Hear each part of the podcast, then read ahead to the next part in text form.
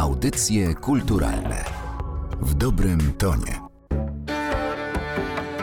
Piąty Międzynarodowy Festiwal Muzyki Europy Środkowo-Wschodniej Eufonie od 17 do 25 listopada w Warszawie.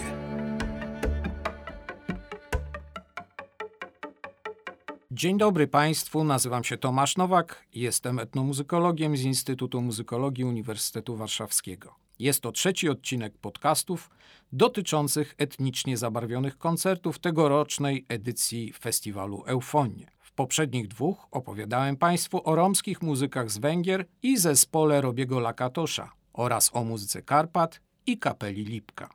W tym odcinku opowiem Państwu o zespole pieśni i tańca Olza.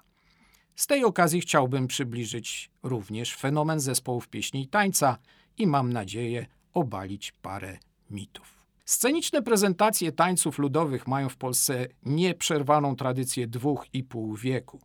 Już bowiem w latach 80. XVIII wieku polskie tańce o chłopskim rodowodzie stały się mile widzianym elementem spektakli teatralnych. Ulubionej rozrywki nie tylko dworzan Augusta III Sasa i Stanisława Augusta Poniatowskiego, ale również powoli dochodzącego do głosu mieszczaństwa warszawskiego. Z początku były to fantazmaty tańców kozaków, węgrzynów, mieszkańców podkrakowskich wyżyn i karpackich ostępów. XIX-wieczni ludoznawcy przenieśli uwagę wyższych warstw społecznych także na tańce mieszkańców nizin, owych pasterzy na Bachorzy, czy też weselników świętujących pod Kielcami. Zresztą kozaki i krakowiaki trafiły do kanonu tańców salonowych, a ich śladem podążyły również kujawiaki i oberki. Ulubioną zabawą kuligową stały się ziemiańskie inscenizacji wesela krakowskiego. Tańce karpackie okazały się zbyt trudne, a być może też zbyt dzikie, ale w drugiej połowie XIX wieku spektakle z ich obecnością bardzo chętnie oglądano na scenach operowo-baletowych. I właśnie wtedy też zaczął się kształtować amatorski ruch folklorystyczny. W 1871 roku ksiądz Kawecki wespół z niejakim Dąbrowskim, kompozytorem wielu sielskich melodii, utworzyli bodajże pierwszą na ziemiach polskich orkiestrę folklorystyczną w strojach krakowskich. W 1881 roku Karol Namysłowski, ziemianin z okolic Zamościa i absolwent Warszawskiego Instytutu Muzycznego, powołał do życia istniejącą do dziś orkiestrę włościańską. Zespół ten, posiadający w repertuarze głównie tańce narodowe i salonowe oraz utwory o charakterze ilustracyjnym, z powodzeniem koncertował na terenie lubelskiego, większych ośrodkach miejskich oraz uzdrowiskach Królestwa Polskiego, a także na terenie monarchii austro-węgierskiej i w Stanach Zjednoczonych. W 1886 roku Maria i Bronisław Dębowscy zorganizowali w Zakopanem cykliczne wieczory prezentujące teatralizowane wersje tańców góralskich dla odwiedzających Podhale turystów i kuracjuszy. Występujący podczas nich mieszkańcy wsi Zakopane stali się de facto pierwszym zespołem folklorystycznym górali podhalańskich, naśladowanym w kolejnych dekadach przez mieszkańców innych wsi regionu. W 1907 roku górale z Istebnej i Jaworzynki zaprezentowali swoje tańce przed członkami rodziny cesarskiej, a rok później występowali już w Wiedniu podczas obchodów 60-lecia panowania cesarza Franciszka Józefa. Dwie dekady później prezentowali się już jako zespół przed turystami odwiedzającymi ich wsie.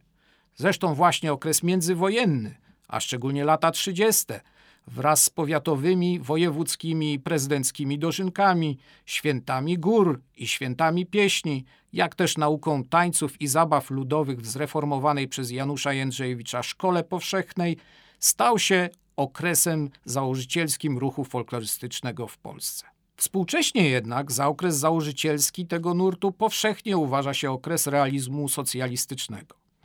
I to ma swoją przyczynę. Był to bowiem okres mocnego wspierania i promowania amatorskiego ruchu artystycznego, kultywującego taniec ludowy, co spowodowało kilkukrotny wzrost liczby tego typu zespołów. Zespoły pieśni i tańca działały wtedy przy domach kultury, zakładach pracy, uczelniach wyższych, a nawet jednostkach wojskowych. Ponadto właśnie wtedy powstały emblematyczne zespoły zawodowe pieśni i tańca, takie jak Mazowsze czy Śląsk.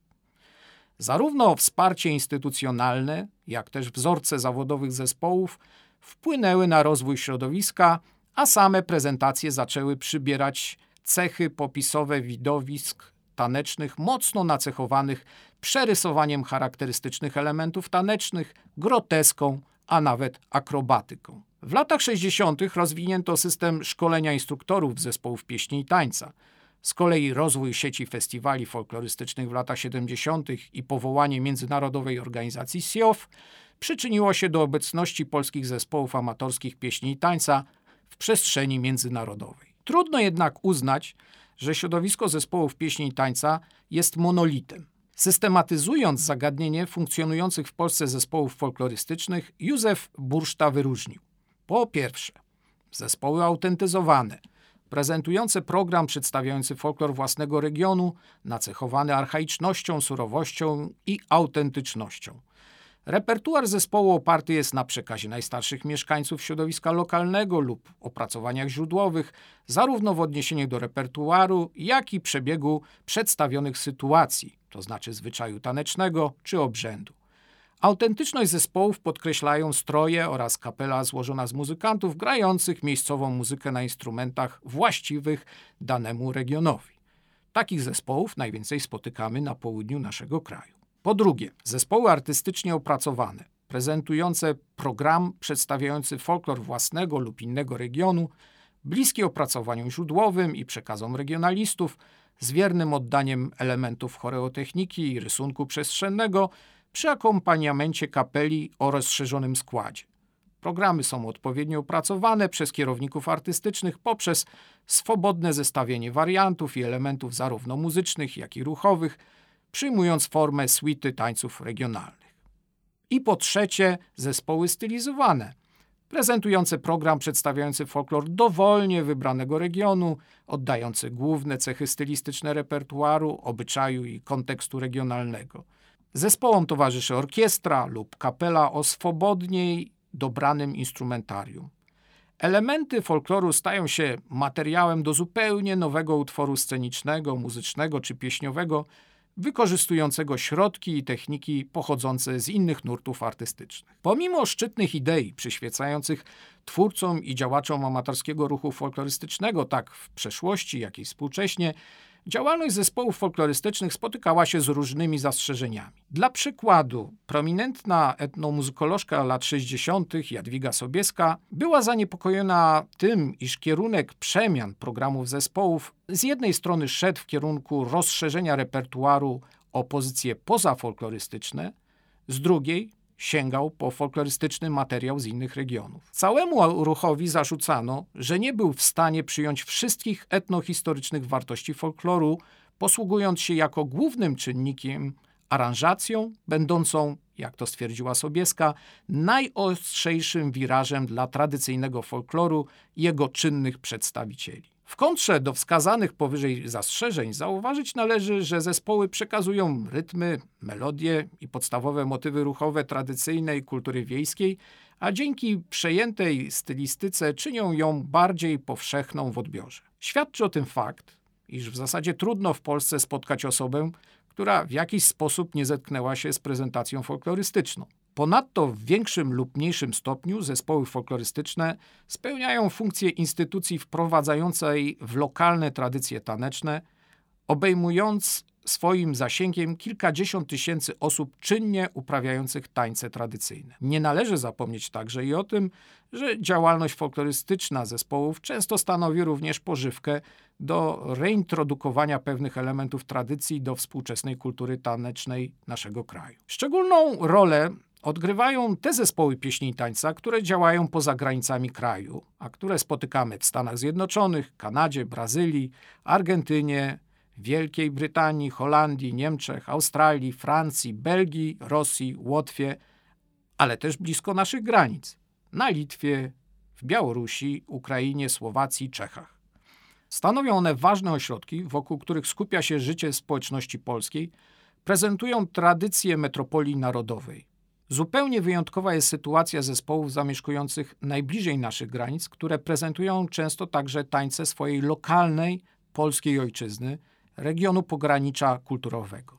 Tak też jest w przypadku istniejącego już bez mała 70 lat zespołu pieśni i tańca Olza z czeskiego Cieszyna, działającym przy Polskim Związku Kulturalno-Światowym w Republice Czeskiej. Zespół ten, założony przez Janinę Marcinkową, jakże zasłużoną badaczkę folkloru tanecznego Ziem Śląska, pielęgnuje przede wszystkim tańce ze Śląska Cieszyńskiego. W Czechach często prezentuje to, co polskie, w Polsce to, co czeskie i słowackie. Dlatego w prezentacji zespołu znajdą się zarówno tańce z Podhala i Beskidu Żywieckiego, ale także z Moraw, Tyrchowej, Detwy, rusińskie, łemkowskie, bojkowskie i romskie tańce z wychodu. W repertuarze zespołu dostrzeżemy też wyraźnie wpływy różnych stylów choreograficznych z Polski, Czech i Słowacji, wyrażające się w różnym podejściu do pierwowzoru tanecznego, tematyki, zagospodarowania przestrzeni tanecznej czy też samych wykonawców. Jest więc wiele powodów, dla których warto na ich prezentację przyjść, do czego serdecznie zachęcam. Niniejszy odcinek kończy serię podcastów dotyczących etnicznie zabarwionych koncertów tegorocznej edycji festiwalu Eufonie. Nie wyczerpują one tematyki, której dotyczą. Zachęcam więc Państwa do samodzielnych poszukiwań, a znakomitym wstępem do nich niech będzie doświadczenie muzyczne i taneczne podczas koncertów festiwalu Eufonie. Do zobaczenia i usłyszenia. Piąty Międzynarodowy Festiwal Muzyki Europy Środkowo-Wschodniej Eufonie od 17 do 25 listopada w Warszawie.